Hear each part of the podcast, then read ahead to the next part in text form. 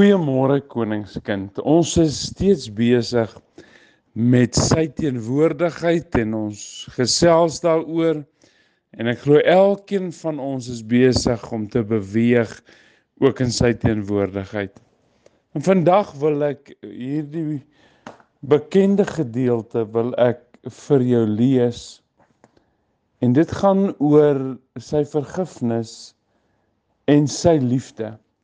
Nou 1 Korintiërs 8 vers 1 tot 3 sê die volgende: As jy met betrekking tot die offervleis en die afgode weet ons dat ons almal kennis het. Die kennis maak opgeblaase, maar die liefde stig. As iemand meen dat hy enige kennis het, weet hy nog niks soos 'n mens behoort te weet nie.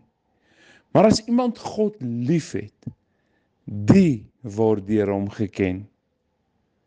Jesus Christus het vir die wêreld gesterf en dit is dan vir ons almal. Ek moet egter ook by sê dat die feit dat ons hom liefhet, hy ons ook erken. En wanneer hy ons erken, verkry ons ook toegang tot sy koninkryk. Ons sien dit duidelik in sy woord. Hy verwys daarna en sê daar mense dat daar mense sal wees wat sê dat hulle hom ken, maar hy ken hulle nie. Ons ken ons ken daardie skrifgedeelte so duidelik. Hy sê mense wat wonderlik gaan wees en wat gaan sê dat hulle hom ken, maar dan gaan hy sê gaan weg van my af. Ek ken jou nie.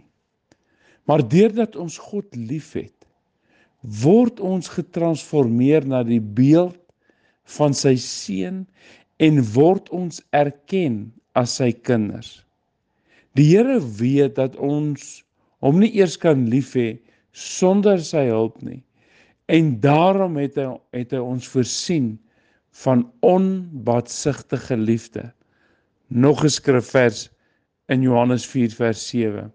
Geliefdes, laat ons mekaar lief hê want die liefde is uit God En elkeen wat liefhet, is uit God gebore en ken God.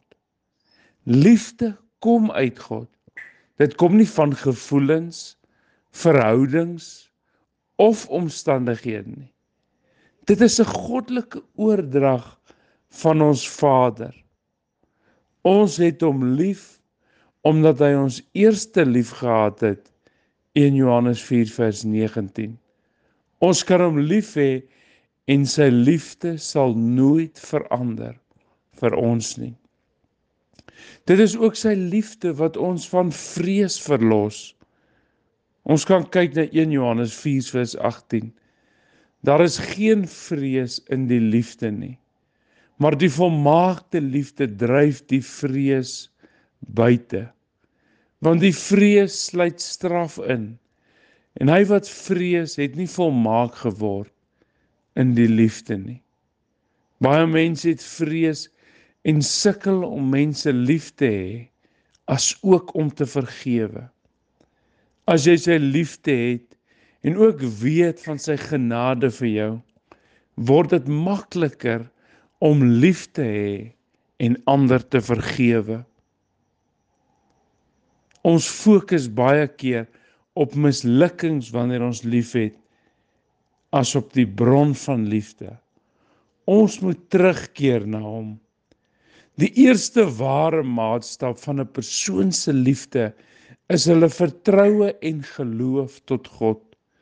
Dit word gevolg deur 'n liefde vir God. Sy liefde is ewigdurend ten spyte van ons geloofloosheid. Ek bid graag saam met jou vandag vir sy liefde. Vader, dankie dat ons weet dat U is die bron van liefde.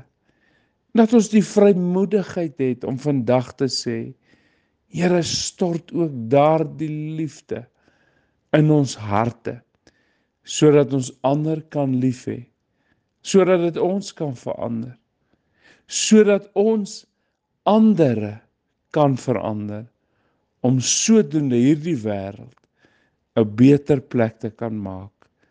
Dankie Here in Jesus naam. Amen.